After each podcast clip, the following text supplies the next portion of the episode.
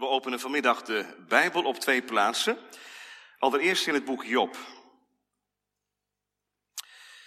Die schriftlezing heb ik niet doorgegeven, maar naderhand dacht ik, ook dat moeten we lezen. Job, Job 36.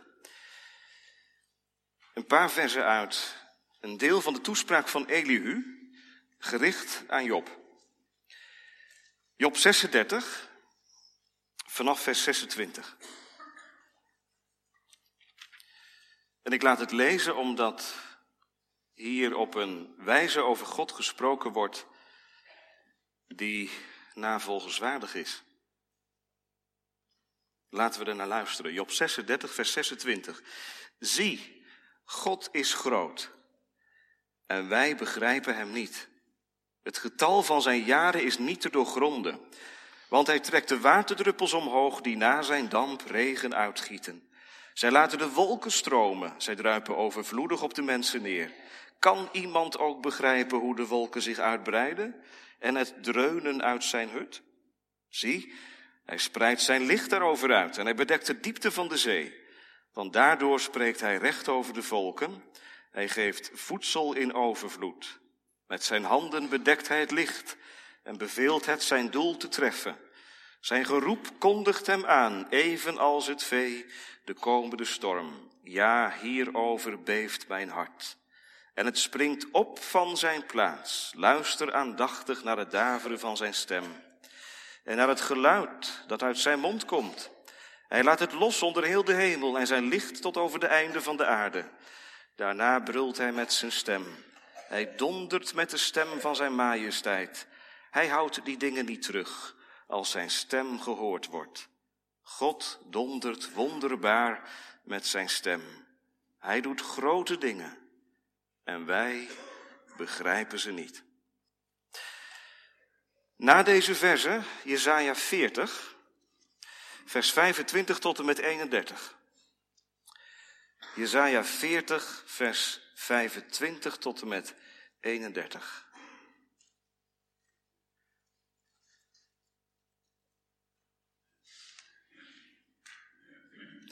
Met wie zou u mij willen vergelijken? Of aan wie ben ik gelijk? zegt de heilige. Sla uw ogen op naar omhoog en zie wie deze dingen geschapen heeft. Hij is het die hun leger voltallig tevoorschijn brengt, ze alle bij name roept. Door zijn grote vermogen en zijn sterke kracht. Er ontbreekt er niet één. Waarom zegt u dan Jacob en spreekt u Israël? Mijn weg is voor de Heere verborgen. En mijn recht gaat aan mijn God voorbij. Weet u het niet? Hebt u het niet gehoord? De eeuwige God, de Heere, de schepper van de einde der aarde, wordt niet moe en niet afgemat. Er is geen doorgronding van zijn inzicht. Hij geeft de vermoeide kracht. En hij vermeerdert de sterkte van wie geen krachten heeft. Jongeren zullen moe en afgemat worden. Jonge mannen zullen zeker struikelen. Maar wie de Heere verwachten, zullen hun kracht vernieuwen. Zij zullen hun vleugels uitslaan als arenden. Zij zullen snel lopen en niet afgemat worden. Zij zullen lopen en niet moe worden. Tot zover de twee schriftlezingen. Vanmiddag dus zondag 8, vraag en antwoord 24 en 25 van de catechismus. Achter in onze Bijbels en op de handout een iets eenvoudige verwoording. Zondag 8, vraag en antwoord 24 en 25. We zijn nu begonnen met de behandeling van het apostolicum. Eigenlijk is dit een inleiding daarop. Vraag 24 luidt als volgt. Hoe worden die twaalf artikelen ingedeeld? Antwoord in drie delen. Het eerste gaat over God de Vader en onze schepping. Het tweede over God de Zoon en onze verlossing. Het derde over God de Heilige Geest en onze heiliging. Vraag 25. Wanneer er maar één enig goddelijk wezen is, waarom noemt u er dan drie?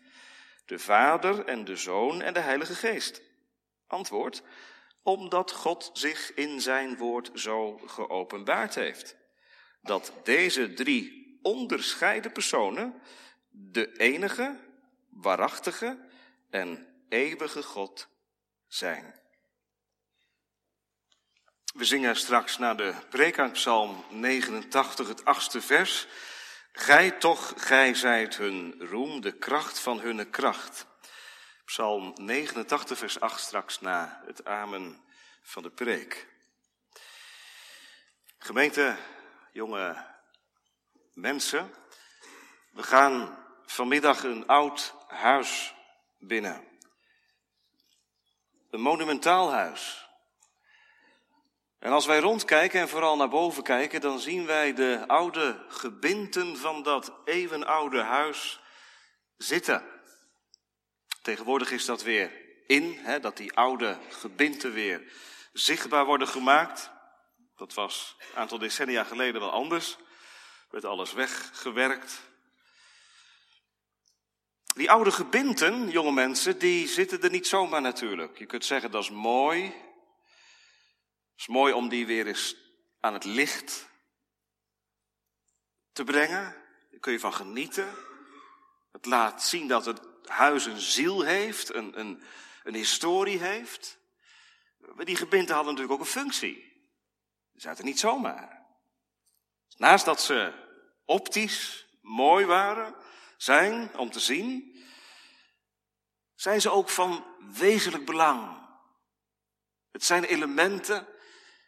Zonder die elementen stort het hele huis in elkaar. Je hebt het gewoon nodig. Stel zondag 8 vanmiddag voor als dat oude monumentale huis waar je naar binnen gaat. En laat je blik vanmiddag gaan over de gebinten, die eeuwenoude gebinten, de structuren, de drie enige God. De Vader, de Zoon en de Heilige Geest. Het zijn de structuren, het zijn de elementen die het apostolicum, de twaalf artikelen van het christelijk geloof, eigenlijk samenbinden. Ik hoop daar straks bij de tweede gedachte nog iets meer over te zeggen. Zonder die structuren stort het christelijk geloof in elkaar. Dit is wezenlijk. Ik kan me best voorstellen dat er mensen zijn die vanmiddag zeggen, zondag 8, wat een theoretisch verhaal. Het is een van de lastigste zondagen, denk ik, van de catechismus om over te brengen. Omdat het in eerste instantie niet meer dan een theorie lijkt. Maar het is geen theorie. Het is het gebinte. En dat zegt de catechismus dan wel niet, maar de Nederlandse geloofsbelijdenis artikel 8 wel. En je kunt er nog van genieten ook. Geestelijk van genieten. De Nederlandse geloofsbelijdenis zegt dat wij de werkingen van de drie enige God gevoelen, voelen, ervaren in ons hart. De Nederlandse geloofsbelijdenis gebruikt dat ook als een argument voor de drie eenheid. Het wordt niet alleen verwoord door de Bijbel, maar ook laat het zich ervaren in het leven met de Heer. Wel, vanmiddag die structuren en eigenlijk de komende zondag, zondagmiddag, als ik in uw midden ben, zullen wij die gebinten, die structuren verder gaan belichten. En dat is niet overbodig. Ik hoop dat je gaandeweg de behandeling van de catechismus ook zegt, erkent wat goed, wat nodig is het. Dat wij deze dingen kennen, want wie God wil liefhebben, die moet weten wie Hij is. En daarom is de catechismus ook bedoeld om in te wijden in het geheim van het christelijk geloof, om verder ingeleid te worden in wat het inhoudt om van Hem te zijn. En als je nou niet van Hem bent, dan hoop ik dat de kennis van God leidt tot het beleiden van zijn naam, tot het aanroepen van Hem. Nou, in dat licht willen we zondag 8 vanmiddag behandelen. En laten we dan ook maar bedenken wat we samen gelezen hebben. God is groot. En wij begrijpen hem niet. Hij laat zich niet voorrekenen, niet narekenen. En toch, we kunnen niet zwijgen. Omdat, zei Augustinus al, de Bijbel er zelf over spreekt. Dat is ook de reden om het erover te hebben vanmiddag. We kunnen er niet over zwijgen, omdat de Bijbel erover spreekt. Het geloof in de drie enige God. Drie gedachten. Allereerst wordt verwoord in de Bijbel, wordt beleden door de kerk en wordt beleefd in het geloof. Wordt verwoord in de Bijbel, wordt beleden door de kerk, wordt beleefd in het geloof. Allereerst, het wordt verwoord in de Bijbel. We voelen denk ik allemaal het spanningsveld wel aan, waarin wij verzeild raken als we het hebben over de drie enige God. De kinderen horen vanmiddag drie en één. Hoe kan iets drie zijn en iets één zijn? Dat kan toch niet? In onze beleving. dat levert de spanning op. Iets is één, of je kunt het uiteenleggen in drieën. Maar het kan niet allebei. En dan openen wij de Bijbel. En dan lezen wij over de ene God. Hoor Israël. Uw God is een enig God, een enige Heere, een unieke Heere. En we horen tegelijk, u hoort het vanmiddag aan het begin van de dienst, genade zij u en vrede van God onze Vader, door de Heer Jezus Christus, in de gemeenschap van de Heilige Geest. Hoe kan dat? De Bijbel begint in het Oude Testament altijd met de eenheid van God. En dat heeft ook een reden. Toen de Bijbel ontstond en het volk van Israël werd uitverkozen door de Here, was dat een volk wat omringd werd door volkeren met allerlei goden. Met een moeilijk woord, polytheïsme. Veel goden. De godsdienst van Israël was een monotheïstische God. Had één God. En je zag hem nog niet eens ook. U begrijpt, dat was ingewikkeld voor Israël. Als alle buren goden hebben die je kunt zien, die je kunt koesteren, die je kunt dragen, die je kunt maken en verfraaien. En zelf heb je een God die je niet ziet, alleen hoort. De ene God. Hoor, ik staat op al die andere goden. De God van Israël is de ene God. En die heeft niets van doen met al die andere godjes en goden van de buurvolkeren.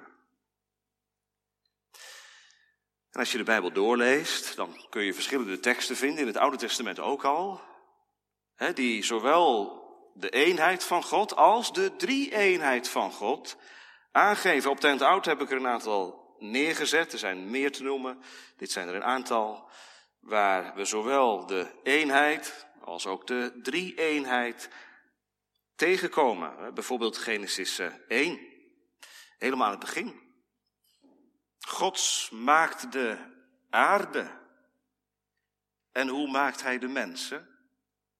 Genesis 1, vers 26. Laat ons mensen maken. Dat is de eerste keer in de Bijbel dat wij zien dat God de ene God is en de drie ene God. Laat ons mensen maken. Dat is een hele belangrijke tekst. Naar ons beeld en naar onze gelijkenis. Waarom is dat zo'n belangrijke tekst, gemeente? Omdat die tekst in de kern weergeeft wie God is en waar die op uit is. Kijk, al die goden van de buurvolkeren, die moest je ergens neerzetten en die moest je aanbidden en daar kon je van alles mee doen. Je kon ze ook verplaatsen. Maar de God van Israël was de God die zei, laat ons mensen maken. Het is een God die zich over mensen heen buigt. Ze maakt uit het stof van de aarde. Ze boetseert. En zijn beeld en gelijkenis meegeeft. Waarom is dit zo belangrijk, gemeente? Wel omdat wij hier al iets ontwaren van het wezen van God. God is geen God op afstand. Maar God is een God die zich bezig heeft gehouden met ons allereerste begin. Laat ons mensen maken. Zo begon het. En zo is het ook bij ons begonnen. God stond aan het begin van ons leven. Een troost. God staat aan het begin van ons leven. Hij is de ontwerper, de boetseerder. En hij trekt zijn handen er niet van af. Genesis 3 staat in de Bijbel. Wij hebben God op zijn hart getrapt. We hebben gezegd, die God die ons gemaakt heeft, die hoef ik niet. Die schuif ik weg, terzijde. Los van God. En gemeente, die God die ons gemaakt heeft. Naar zijn beeld, naar ons beeld en gelijkenis. Zo staat het in Genesis 1. Die God gaat door met zich ontfermen over verloren zondaren. Dat heeft hij gedaan met Adam, dat heeft hij gedaan bij Eva, dat heeft hij gedaan bij al die mensen die na Adam op de aarde gekomen zijn. Wat merken wij, gemeente? Dat het Oude Testament ons een God laat zien, die niet alleen aan het begin staat, maar die het ook verdragen heeft, hoewel hij vertorend was, het verdragen heeft dat wij tegen hem opstonden. Er geen einde aan heeft gemaakt, maar er ermee door is gegaan. Het Oude Testament, gemeente, waarom is dat zo dik? Waarom is dat zo dik? Zou toch logisch zijn, kinderen, dat het Nieuwe Testament dikker was? Het is toch veel meer te vertellen over de Heer Jezus. Waarom is het Oude Testament zo dik? Omdat het ons aangeeft welke weg God gaat met zijn volk. En gemeente, dat op het spoor komen is nog veel belangrijker dan dat u allerlei bewijsteksten verzamelt voor de drie eenheid. De Bijbel is in de eerste plaats ook geen boek waar wij allerlei bewijsteksten voor stellingen vandaan halen. De Bijbel is allereerst een boek wat gelezen wil worden en wat ons leest. Een boek waarin God laat zien hoe hij met zijn ongehoorzame volk onderweg is. Denk even aan de tabernakeldienst. Die God die verheven is, komt ineens heel nabij. Als hij Mozes de opdracht geeft om een, een tabernakel te maken, om een ark te maken, om de offerdienst in te richten. Dat kan alleen maar gemeente als God drie enig is. Als God uit relaties bestaat, in zichzelf. God is een God vol liefde. En liefde kan alleen maar tussen mensen, tussen personen, wederkerig beleefd worden, toch? Anders wordt het egoïsme. Nou, God is liefde, toch? Dat het Nieuwe Testament. En met die lens mag je het Oude Testament lezen. God is liefde. Kijk maar. De liefde die in God is. De Vader heeft de Zoon lief. De Zoon heeft de Vader lief. De Geest heeft de Zoon lief. De Geest heeft de Vader lief. Enzovoort, enzovoort. Die wereld van liefde. Zullen we God zo aanduiden vanmiddag? Die wereld van liefde in zichzelf. Die houdt hij niet voor zichzelf. De Nederlandse geloofsbeleidnis artikel 1 zegt, God is een overvloeiende fontein van alle goed. Gemeente, wat een God. Er is geen godsdienst ter wereld die dit beleidt. Dat God een overvloeiende fontein is van alle goed voor verloren mensen die niet hun best hoeven te doen om God aan hun kant te krijgen, maar een God die alles op alles zet om zondaren tot Hem te trekken. Nou, lees zo het Oude Testament maar. Hoe hij omgaat met Abraham, Isaac en Jacob. Hoe hij omgaat met zijn volk Israël door de woestijn heen. Door al die afval heen en al die ongehoorzaamheid heen. Hoe komt het dat God doorgaat? Terwijl die keer op keer van zijn volk alleen maar het tegendeel lijkt te krijgen. Omdat God drie enig is. Liefde. En wat nou in het Oude Testament al aanwezig is, dat komt in het Nieuwe Testament heerlijk openbaar. Ik heb het afgelopen dinsdag op categorisatie vergeleken, op het bord, jullie weten nog wel misschien, hè, met, met die bloembol. En die bloem. Een bloembol, ja, dat lijkt iets onogelijks. Een bloem, die geurt. Maar in die bloembol, die in de grond gestopt wordt, zit alles wat nodig is om die heerlijke bloem uiteindelijk te laten groeien. Om ervan te genieten. Het Oude Testament is de bloembol. Alles zit erin. Het Nieuwe Testament is de bloem. God opent zijn hart allermeest wanneer hij zijn lieve zoon, zijn enige zoon, overgeeft, terwijl hij weet, hij wordt opgevangen op de speerpunten van het ongeloof. God geeft zijn zoon. Liefde. En waar dat in het geloof beantwoord wordt, gaat het geuren. Het Nieuwe Testament geeft meer woorden aan de drie eenheid. Ik heb een aantal teksten op de hand oud neergezet. Daar lijkt het inderdaad duidelijker. He, daar wordt het expliciet ook genoemd. Denk bijvoorbeeld aan Matthäus 28. Ga heen, onderwijst al de volken en dopende in de naam van de Vader, de Zoon en de Heilige Geest. Als we maar niet denken dat in het Oude Testament het niet aanwezig is. Het is er. Want God gaat om met zijn volk en weet zijn volk ook voor hem in te winnen door de kracht van de Heilige Geest. En in het Nieuwe Testament, wat doet God in het Nieuwe Testament? Daar, mag ik het zo zeggen vanmiddag, daar schuift hij zijn zoon naar voren. En beneemt hij mij alle onschuld.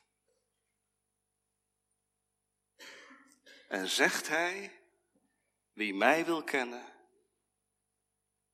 die komen tot Christus. Want in Christus zien wij het aangezicht van God. God verklaart zijn hart in zijn zoon. En als iemand vraagt vanmiddag, en hoe kom je die zoon dan te kennen? Hoe kom je hem op het spoor? Hoe leer je hem kennen? Dat is de Heilige Geest. Dat is de genade van de Heilige Geest, die oog en oor en hart geeft voor de zoon van zijn liefde. Mag ik u vragen, is dat gebeurd?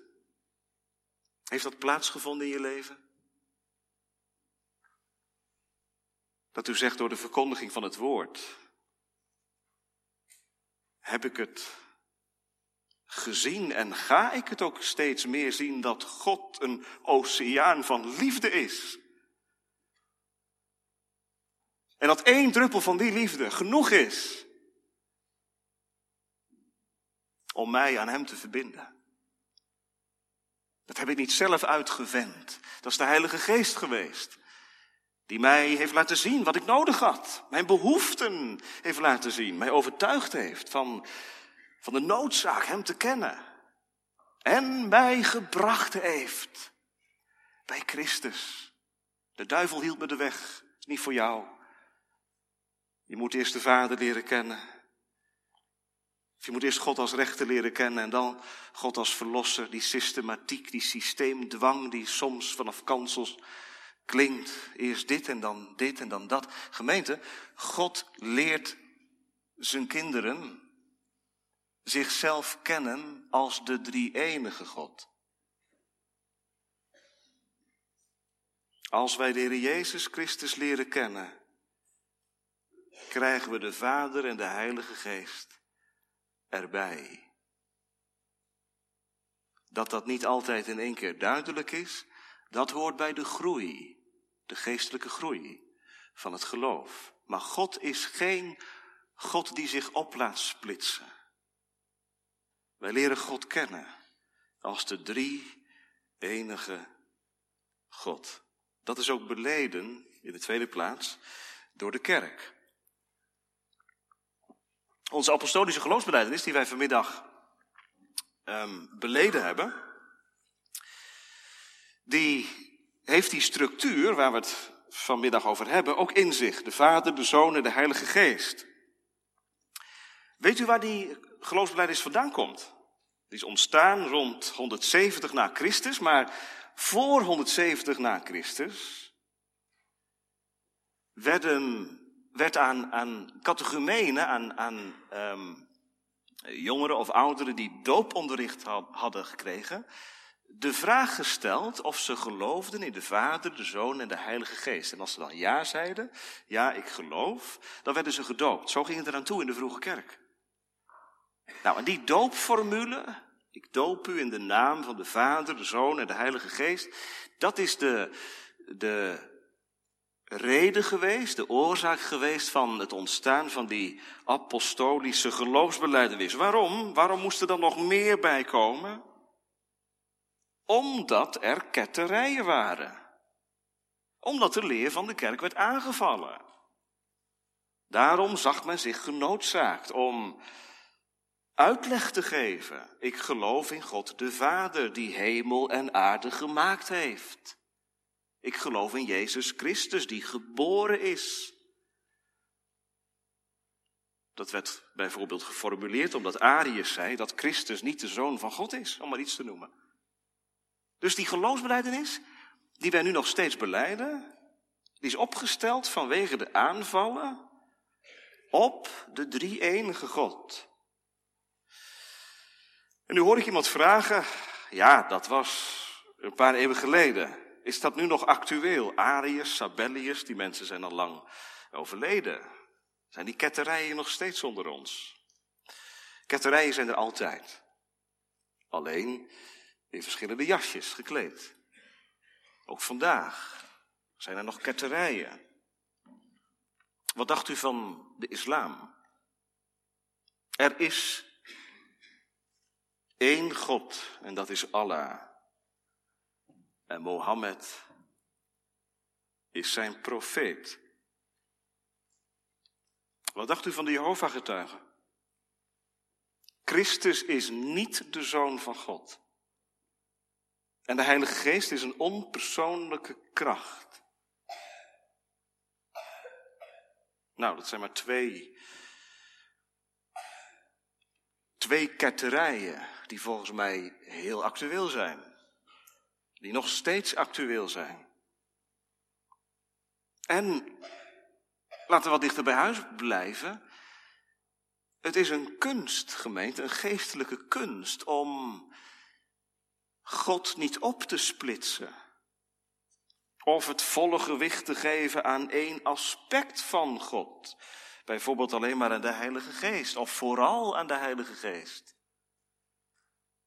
Dan kom je al heel snel in charismatisch vaarwater terecht. Waar de Heilige Geest belangrijker lijkt dan de Heer Jezus. Kijk, dat kunnen we in ieder geval zeggen. Dat de Heer Jezus Christus centraal staat, moet staan. En alles wat daarvan afleidt. Dat hoeft nog geen ketterij te zijn. Maar het is wel een dwaling. Of een dwaleer. God openbaart zich als de drie enige God. Zo is er in al die eeuwen achter ons over gedacht en zo is het ook beleden. Beleden zeg ik, niet bewezen. Hoe zou dat kunnen? Hoe zouden wij God kunnen bewijzen? Heb jij God in je broekzak? Zo'n God kun je bewijzen. Zo'n God kun je analyseren. Zo'n God kun je uiteenleggen. Maar een God waarvan wij moeten zeggen in navolging van Elihu, God is groot en wij begrijpen hem niet. Ja, is dat een zwaktebod, zegt iemand? Sta je toch niet sterk hè, als je dat zo moet zeggen? God is groot en we begrijpen hem niet. Is dat zo? Denk aan Augustinus, die eens langs het strand liep. En hij was, en dat is het beste wat je kunt doen, denk ik, niet analyseren, maar hij was aan het mediteren over de drie enige God. En het duizelde hem. Hij heeft die gedachte ook aan het papier toevertrouwd. In een prachtig boek over de drie eenheid. Maar toen hij aan het mediteren was over de drie eenheid, zag hij een meisje op het strand spelen. En wat deed dat meisje? Dat meisje liep voortdurend heen en weer van het strand naar de zee. Met een emmetje. Met het emmetje schepte ze water uit de zee en dat droeg ze naar het strand, had ze een gat gemaakt en dat kiepte ze leeg. En dat ging maar door. Keer op keer ging het meisje met dat lege emmertje naar de zee en kwam ze weer terug en goot ze het weer leeg. En toen Augustinus vroeg, wat ben je aan het doen? Weet je wat ze toen zei? Ik ben de zee aan het leegscheppen. Ik ben de zee aan het leegscheppen. Kan niet, hè? Nee, dat kan niet.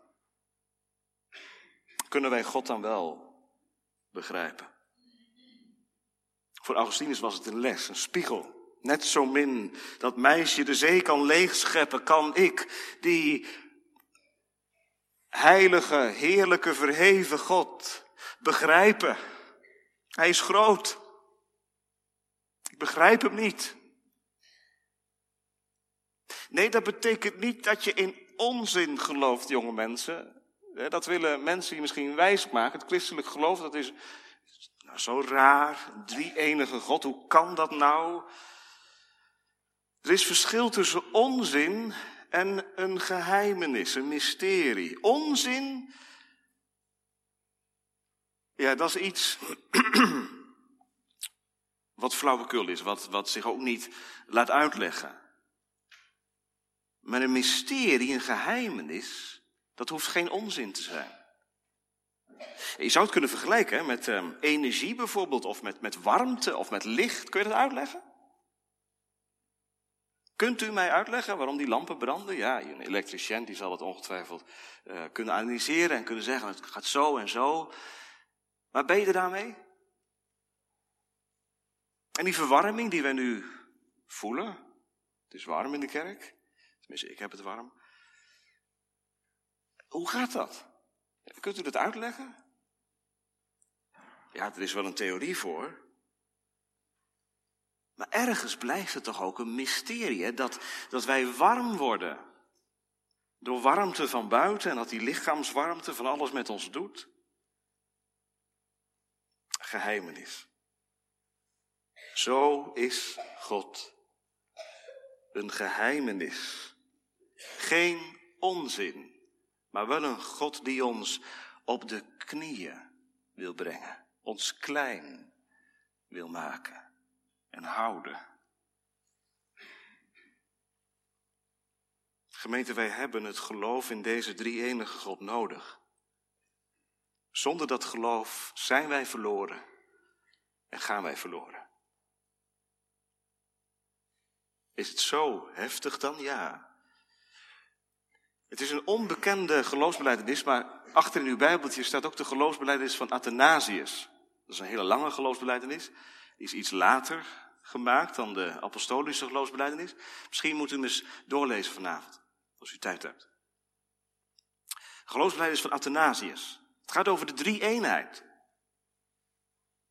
En hij zegt van het geloof in deze drie enige God hangt onze zaligheid af. Wij hebben deze God nodig. Hij die aan het begin van ons leven stond, hij wil ook onze verlosser zijn. En door de Heilige Geest ons vernieuwen.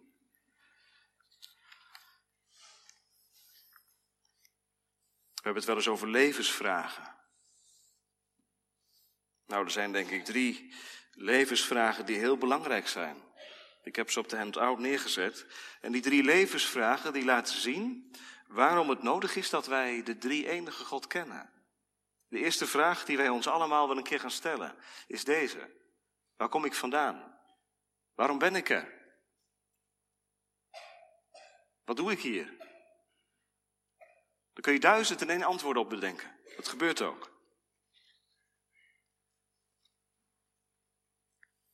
Maar het christelijke antwoord is dat God het is geweest die je gemaakt heeft. Niet zonder bedoeling, niet om je verloren te laten gaan, maar om je te behouden. En dat is die tweede levensvraag, waarvan ik hoop dat u die zich ook stelt. Hoe komt het weer goed tussen God en mij? Wat is er nodig om die breuk op te heffen?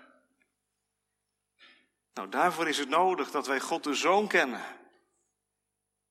Jezus Christus en dien gekruisigd. En dan die derde levensvraag. Als iemand tot geloof gekomen is, hoe werkt dat dan? Wat houdt het christenleven in? Hoe kan ik in de praktijk van het leven wandelen met God? Nou, daar is de Heilige Geest voor nodig. Die een weg wijst. Die ons ontdekt aan wie we zijn, die ons ook voortdurend ontdekt aan wie we zijn en die het werk van Christus toepast in mijn leven. Dat brengt me tot slot bij de laatste gedachte voor vanavond. Het geloof in de drie enige God wordt beleefd in het geloof. Wat is het nut van dit alles? Wat heb je eraan? Deze God van Psalm 48 wil onze God zijn. Gemeente, toen God zijn zoon zond naar de aarde, heeft hij er toen dranghekken om geplaatst?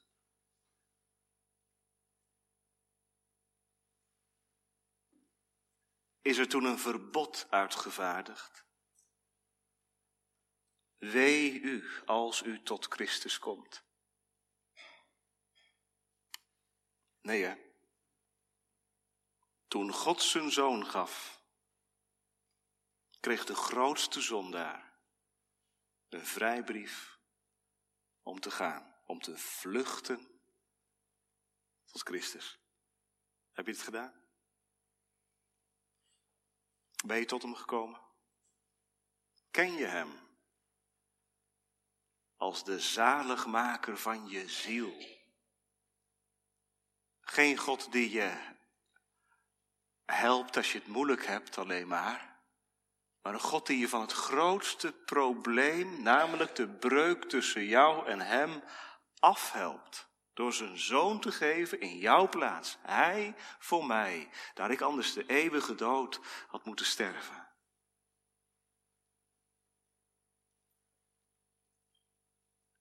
Deze drie enige God, die het heil en de zaligheid van ons op het oog heeft, die laat zich kennen en Ervaren, ja dat ook, dat ook. In het geloof. Beleefd in het geloof. Dat is het. Want, gemeente, hoe zou je liefde niet kunnen ervaren? Aan het begin van de preek begon ik met, met God die liefde is. God die een oceaan van liefde is en die liefde wil delen. God die in zichzelf bewogen is. En die bewogenheid uitstraalt en in zijn zoon verkondigt. Die drie enige God wil wederliefde wekken. Wie doet dat? Dat doet de Heilige Geest. binnen de huishouding van God, om het zo te zeggen, heeft iedere persoon zijn eigen, zijn eigen terrein, zou ik haar zeggen. God de Vader en de schepping, God de Zoon en de verlossing, God de Heilige Geest en de heiliging. Maar de drie enige God zorgt er zelf voor dat ze komen. Jongeren en ouderen. En die knielen aan de voeten van de Heer Jezus neer. Gemeente, als dat gebeurt, hè, onder de verkondiging van het woord, dat je uit het duister tot Christus geleid wordt, dan is dat een werk van de drie enige God. En bij de een gebeurt dat ineens. Bij de meesten gebeurt het geleidelijk, gaandeweg. En zoals die druppel die de steen uitholt. De Heilige Geest overtuigt en brengt je bij de Zoon van God. Waarom is God daarop uitgebeten? Omdat God ons zo gemaakt heeft, zo bedoeld heeft. God had ons niet bedoeld om ons in het ongeluk te storten. Dat hebben we zelf gedaan. We werden egoïsten tot en met. Zelfliefde, dat is belangrijker geworden dan liefde tot de ander en liefde tot God. En dat wil God omkeren. Wil je nieuwe grammatica leren? Niet ik en dan de ander en dan hij. Maar hij en dan de ander en dan ik. Ja, dat gaat in tegen de rijtjes die op school leert. Dat doet de Heilige Geest. En dat heeft hij ook beloofd, gemeente, in de doop. Toen u, toen jij gedoopt werd, werd u gedoopt in de naam van de drie enige.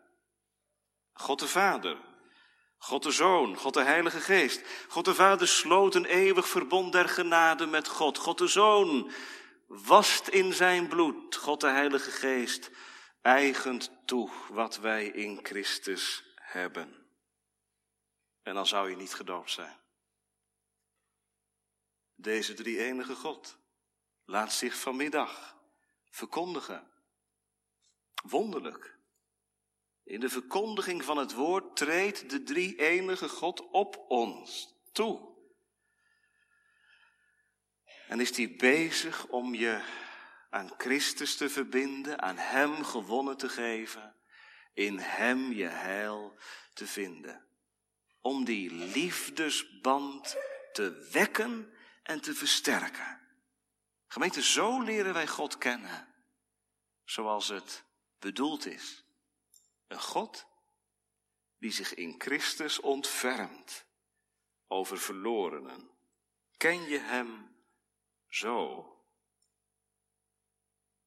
Niet als de God van afstand, maar de God die verheven is, het recht had om mij voorbij te gaan.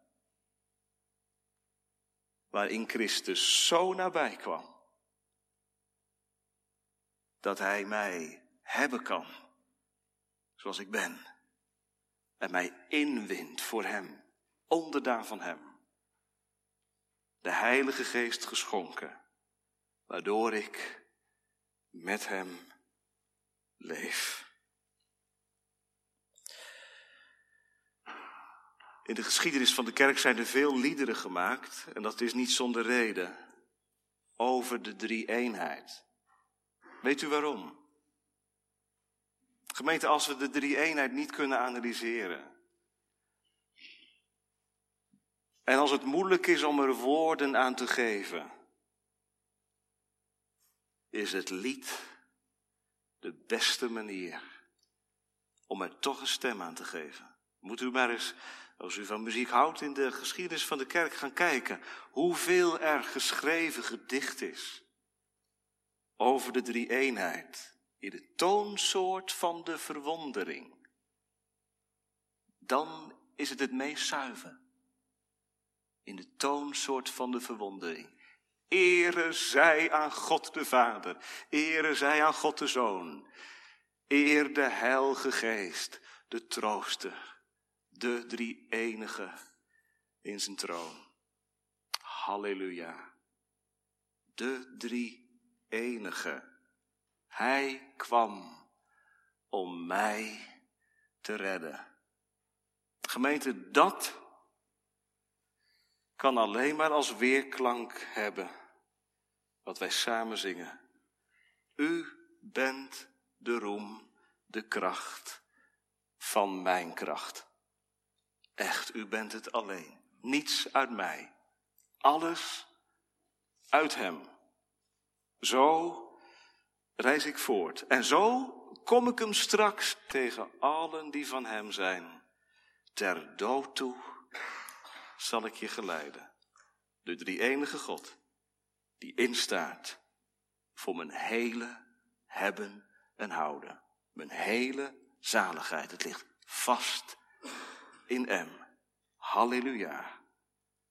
Amen.